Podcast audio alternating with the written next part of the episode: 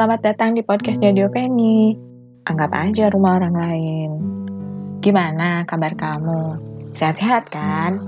Buat yang sehat, terus jaga kesehatan dan tetap istiqomah sama protokol kesehatannya. Buat yang sedang sakit atau isolasi mandiri, semoga segera pulih dan tetap sehat ya. This too will pass. Memasuki hari ketujuh tantangan 30 hari bersuaranya The Podcasters ID. Temanya adalah PDKT.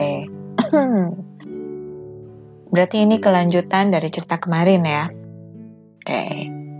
Setelah kejadian Toto Chang versus Kobo Chang, kami jadi lebih intens ngeributin hal-hal kecil. Saya juga tumben-tumbenan sih ke trigger kalau digodain. Biasanya cuek aja kalau diceng-cengin cowok. Sebenarnya kan bukan dia doang yang suka usilin saya. Tapi entah kenapa di mata saya usilnya tuh annoying, tapi sekaligus ngangenin. Kayaknya kalau dalam tiap jam nggak ceng-cengin saya tuh kayak ada yang hilang. Ada kalanya saya ngerasa capek ngeladenin orang satu ini. Jadi kadang-kadang saya suka manfaatin orang sekitar buat jadi komunikator kami. Misalnya ketika kami lagi ngerjain poster gede bareng-bareng jadi di pas itu yang kemarin saya ceritain, kalau hari Sabtu itu uh, waktunya kami mengerjakan media untuk mentoring besoknya. Oh ya, saya lupa ya ceritain pas itu. Pembinaan anak-anak Salman itu dari namanya udah kebayangkan. Ada kegiatan setiap hari Minggu pagi di seputaran wilayah Masjid Salman ITB, Bandung. Untuk main sama anak-anak dan juga kasih materi-materi gitu. Mulai dari anak usia TK sampai kelas 6 SD acara intinya sih sebenarnya hari setiap hari Minggu. Maksudnya ketemu sama anak-anaknya itu hanya hari Minggu. Tapi ada persiapan-persiapan yang dilakukan sejak hari Senin sampai Sabtu. Dan karena ini adalah organisasi yang sudah terstruktur, terus juga sistematis, udah pasti ada pengurus dan lain-lain. Makanya kegiatan pembinanya tuh nggak cuma dilakukan hari minggunya, tapi juga ya tiap hari ada itu rapat pengurus, ada rapat panitia, bikin media, pelatihan. Tapi yang jelas meskipun nggak ada kegiatan itu pun markas tetap rame. Karena kadang-kadang saya atau teman-teman suka nebeng ngerjain tugas di markas. Atau tidur siang kalau ngantuk. Gitulah. Nah balik lagi ke cerita di mana ada hari di mana saya benar-benar udah kesel banget gak nempalin ceng-cengannya dia saya juga nggak ngerti sih kenapa diceng-cengin kok ditanggepin juga gitu. Saya tuh nggak biasa gitu sebenarnya. Saya lupa waktu itu lagi bikin poster apa pokoknya posternya tuh gede. Karena saya udah males gitu ya nangkepin dia. Saya menggunakan perantara buat jadi komunikator kami. Jadi saya nggak ngomong langsung ke dia kata-kata saya. Misalnya saya minta pidol atau kuas yang ada di dekat dia saya minta tolong orang lain buat ambilin gitu. Tolong dong bilangin sama dia ambilin kuas atau spidol yang ada di dekat dia. Ya seringnya sih dia balesin gitu. Bilangin suruh ambil sendiri jawabannya gitu. Aduh. Karena dia ngece juga itu kan ngegemesin terus udah gitu kalau saja bukan di area Salman tuh saya udah saking gemesnya tuh saya udah jitak atau cubit dia gitu tapi yang berhubung itu adalah area masjid di mana antara ikhwan dan akhwat itu harus behave, no kontak fisik dong. Harus jaga jarak, apalagi jaga pandangan. Dan anehnya tuh yang jadi perantara kami tuh mau-mau aja gitu repeat kalimat-kalimat kami. Karena di situ ada banyak orang, jadi semua orang yang ada di situ tuh ngedengerin percakapan kami dan perhatikan tingkah laku kami. Sampai ada salah satu dari kami yang bilang, kalian ini bertengkar aja sih. Jodoh deh kayaknya. Apa? Jodoh kok berantem melulu. Saya tuh masih terus aja menganggap dia kayak bug yang benar-benar annoying karena diceng-cengin terus. Bahkan ada teman kami yang jadi ketuanya pas saat itu menjadikan kami tuh ada di dalam satu tim. Supaya di antara kami tuh ada obrolan yang bermutu. Nggak cuma ribut kayak Tom and Jerry gitu Suatu ketika, saya dan dia sama-sama ikut suatu pelatihan di gelombang yang sama. Sebenarnya kan saya senior ya, kenapa sih? Kenapa sih nggak saya duluan yang ikut pelatihan? Terus nanti dia ikut setelah saya gitu. Tapi ya nggak tahu juga sih mungkin ini jalan Tuhan untuk menunjukkan pada saya bahwa dia memang PDKT. Entahlah. Nah intinya pas pas puncak acara pelatihan itu kami ada long march ke hutan. Ternyata kami tersesat di hutan itu. Rutenya tuh ke halang sungai yang sayangnya debit airnya tuh lagi tinggi sebab habis hujan deras. Dan gak ada pilihan lain bagi kami untuk menyeberangi sungai itu. Sebetulnya di ransel saya ada baju ganti, jadi kalau misalnya baju saya basah, harusnya saya bisa ganti baju ya. Tapi ya, ransel saya nggak waterproof. Kami memang pakai jas hujan, tapi kan jadi nggak ada artinya, nggak ada gunanya kalau kamu nyemplung ke air. Karena jas hujan melindungi kita dari air yang turun dari langit, bukan yang meresap dari sungai. Meskipun pegangan tangan dengan non mahram itu atau non muhrim itu sebaiknya tidak dilakukan, tapi berhubung ini nyawa urusannya, saya berpegangan tangan sama pembimbing kelompok kami yang berdiri di tengah sungai. Dia bantuin saya nyebrangin sungai. Jujur aja itu pertama kalinya saya pegangan tangan sama laki-laki. ya tenang aja, uh, pembimbing saya tuh bukan yang lagi PDKT kok. Kan saya sama dia sama-sama lagi jadi peserta. Kayaknya dia dari kejauhan, dari seberang tuh ngelihat saya pegangan tangan sama pembimbing kelompok. Tuh. Saya masih ingat sih ekspresinya sampai hari ini gak suka gitu. Setelah saya berhasil selamat dari sungai yang tingginya nyaris leher saya, sebab saya kan mungil, saya nggak mau dibilang pendek. Sungai setinggi semeter 20 cm itu rasanya udah bikin kayak mau tenggelam. Nah, kami berjalan menuju pondok yang jadi pos terakhir untuk menunggu jemputan. Kami dijemput pakai angkot charteran.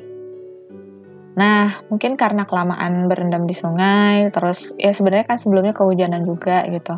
Baju basah dan sebagainya, perut saya kram parah sampai nggak bisa berdiri. Nah, yang bantuin saya tuh teman-teman cewek dan teteh-teteh akwat. Tapi dia selalu terus-terusan nengok saya dari jarak deket gitu, buat mastiin bahwa saya baik-baik aja atau enggak gitu. Dan ekspresinya itu loh, khawatir banget. Bahkan dia tuh bolak-balik uh, ngecek kabar saya gitu ke teteh-teteh Ahmad itu kedengarannya sih dia khawatir nah pas diangkut tuh dia sengaja duduk di depan saya cuma buat ngawasin saya yang masih kesakitan nah setelah sesampainya kami di markas kami tuh nginep di sana dan karena baju juga handuk saya basah gara-gara kerendam di sungai dia pinjemin saya handuk dan baju ekstra dia yang emang dia simpan di salah satu lemari penyimpanan di sekre. Markas kami itu suka jadi tempat nginep para pembina cowok. Makanya banyak yang punya baju ganti di sekre termasuk dia. Pas dia nyerahin bajunya buat saya pakai, kok saya berdebar ya? mau gak mau kan aroma tubuhnya tuh jadi deket banget gitu karena saya pakai baju dia. Jadi pas tidur, rasanya dipeluk sama dia. Setelah kejadian saya kram perut itu, entah gimana kami jadi berhenti bertengkar dan mulai awkward, canggung gitu. Jadi kalau saya sih saya jadi kayak mulai malu-malu gitu, canggung lah pokoknya. Jadi kalau nonton drakor ada adegan seperti ini, saya ngakak karena flashback sama kejadian sendiri. Jadi misalnya nih ya, kalau saya lihat dia di kejauhan, saya ngumpet dulu karena deg-degan gak karuan. Ngatur napas, biar ketemu dia tuh udah yang natural. Tapi kalau kadung ketemu sebelum siap-siapin hati, saya jadi blabering gak jelas. Masalahnya dia tuh pendiam banget. Jadi setelah momen ceng-cengan ini lewat, makin kerasa canggungnya karena dia justru balik ke dirinya semula yang dikenal sedatar tembok. Kan saya jadi serba salah ya. Meski begitu sih, walaupun dia sedatar tembok, dia yang make a move tiap hari nelpon pakai telepon koin entah itu dari kampus atau dari Salman ini kayaknya saya ketahuan deh angkat dia masih pakai telepon koin nah kalau lagi teleponan gitu kadang-kadang diem-dieman aja gitu nah, seakan-akan yang penting nelpon dan nunggu koin habis tapi ya nggak nggak jarang juga sih dia bilang aku ke rumah ya walaupun nanti di rumah juga diem-dieman sebenarnya saya agak khawatir dia gak di approve ibu. Karena ibu kan orangnya picky. Orang-orang yang pernah PDKT atau bahkan pacar-pacar saya sebelumnya aja sering kena komentar nggak enaknya ibu. Tapi ya ajaibnya, justru ibu tuh suka sama dia sejak awal dia ke rumah bareng teman-teman yang lain pas acara buka puasa bersama. Jadi pas akhirnya dia beraniin diri datang sendiri ke rumah, senyum ibu terkembang kayak seneng banget. Akhirnya gebetan ibu lah yang berikutnya deketin anaknya. Kalau dibilang kami pacaran, hmm, nggak tahu ya. Soalnya kan katanya pacaran tuh nggak ada ya di Islam. Tapi kami sebenarnya sering pergi berdua. Ya misalnya nyari bahan skripsi, ke perpustakaan dan lain-lain karena itu kan udah tahun terakhir saya kuliah. Ah, uh, waktu itu saya masih ingat ada pengganjal. Uh, saya menuju sidang karena ada satu mata kuliah yang dikasih nilai E sama dosennya. Saya nggak sendirian sih dapat nilai E itu. Semua orang yang kuliah mata kuliah tersebut dapat nilai E. Saya nggak tahu gara-gara ketololan siapa, karena semua peserta salah satu mata kuliah yang dikasih nilai E itu setelah tiga bulan UAS tuh nggak keluar-keluar nilainya akhirnya jurusan ngeluarin nilai E. Nah, alasan dosennya katanya lembar jawabannya tuh nggak sampai ke beliau. Dan akhirnya beliau kasih alternatif untuk dapat nilai dengan bikin makalah. Ngeselin sih, tapi ya saya butuh nilainya. Si dia inilah yang totalitas bantuin saya untuk oh, mulai dari ngeprint, uh, nganterin saya ke rumah dosen karena dosen ini lagi-lagi tidak menerima tugas di uh, di kampus karena dia nggak mau makalahnya hilang sama dengan lembar jawaban ujian kami. Uh, sayangnya saya waktu itu nggak punya jadwal yang match sama teman-teman dan akhirnya saya pergi sendiri sama dia sih. Saya pergi sama dia ke rumah dosen buat nyerahin tugas ini gitu. Walaupun nggak ketemu sih sama dosennya dititipin ke asistennya. Dipikir-pikir mau dibuktiin sampai mana lagi sih kalau dia jelas-jelas PDKT. Masalahnya, saya tuh masih trauma dengan hubungan-hubungan sebelumnya. Jadi saya takut kejadian lagi hal-hal traumatis dalam suatu hubungan. Nah, teman-teman dia yang support dengan hubungan kami itu sampai ikut campur tangan untuk mengingatkan saya bahwa dia sudah melakukan banyak effort untuk membuktikan bahwa ya dia benar-benar deketin saya. Ada maksudnya gitu. Gongnya sih pas perjalanan pulang dari acara nikahan mantannya pada akhirnya dia nembak saya. Dor gitu. Jadi itu kejadiannya di bus waktu pulang dari Garut menuju Bandung. Nah dia jedor aja tiba-tiba bilang kamu mau nggak kita berkomitmen buat masa depan kita OMG, saat itu dia masih belum lulus kuliah, udah ngajakin berkomitmen. Former pacar saya aja yang udah kerja, mana ada yang ngajak berkomitmen? Gak ada. Jadi saya tuh makin, apa ya, gak karu-karuan gitu, jadi makin, ya sekaligus takut. Tuh. Gini kali ya, kalau tiba-tiba ditembak saat kamu gak siap. Kalau di drakor sih kayaknya langsung diiyain, tapi kalau saya butuh waktu dan ruang karena saya masih takut dan ragu dengan suatu hubungan lagi. Gimana kalau lagi sayang-sayangnya terus ditinggal? Kayak hubungan-hubungan saya sebelumnya. Seriously, kalian ya, kalau nggak punya niat jauh ke depan, like nikah misalnya, tolong, nggak usah deket-deketin gebetan deh. Apalagi sampai pacaran. Mending jadi admirer aja deh, udah. Karena tiap ditinggal pas lagi sayang-sayangnya itu bikin nyesek dan traumatis loh. Eh, kok jadi curcol? Ya karena emang ini ngaruh sama keputusan saya saat itu. Eh iya, tema keputusan udah lewat. ini tema PDKT. Sebenarnya sih waktu itu dia udah siap ditolak. Karena ngiranya saya masih terikat sama mantan saya. Padahal saya masih cuma perlu menata hati aja sih. Tapi ya, selalu ada solusi untuk masalah kayak begini kan. Sholat istiqoroh jadi, itu pertama kalinya saya sholat istikharah dengan senetral dan sehusyuk mungkin demi mendapatkan jawaban valid dari sang pencipta yang maha punya jawaban dan solusi. Terus entah gimana, saya kayak dikasih flashback semua kebaikan-kebaikan dia.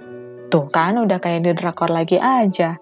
Semacam disuruh mempertimbangkan bahwa yang dia lakukan ke saya itu sungguh-sungguh. Hmm, jadi setelah empat tahun PDKT Dan akhirnya dia pun menembak saya. Dan setelah saya merasa mendapatkan jawaban sholat istiqoroh, ya akhirnya saya menjawab, kalau saya sih iya, nggak tahu Mas Anang, atas proposalnya untuk berkomitmen. Oke, sekian dulu celotehan saya tentang PDKT untuk ikutan tantangan 30 hari bersuaranya The Podcasters Indonesia. Jangan lupa follow Instagram Diopeni dan juga thepodcasters.id. Maafkan ya, episode hari ini full curcol dan malah lebih panjang dari episode lain. Sebenarnya pengennya tiap episode itu durasinya pendek-pendek aja biar nggak ke mana-mana saya ngocehnya. Oke deh, makasih ya udah dengerin. Sampai ketemu lagi. Kamu harus terus sehat biar bisa dengerin saya ngoceh lagi. Dadah!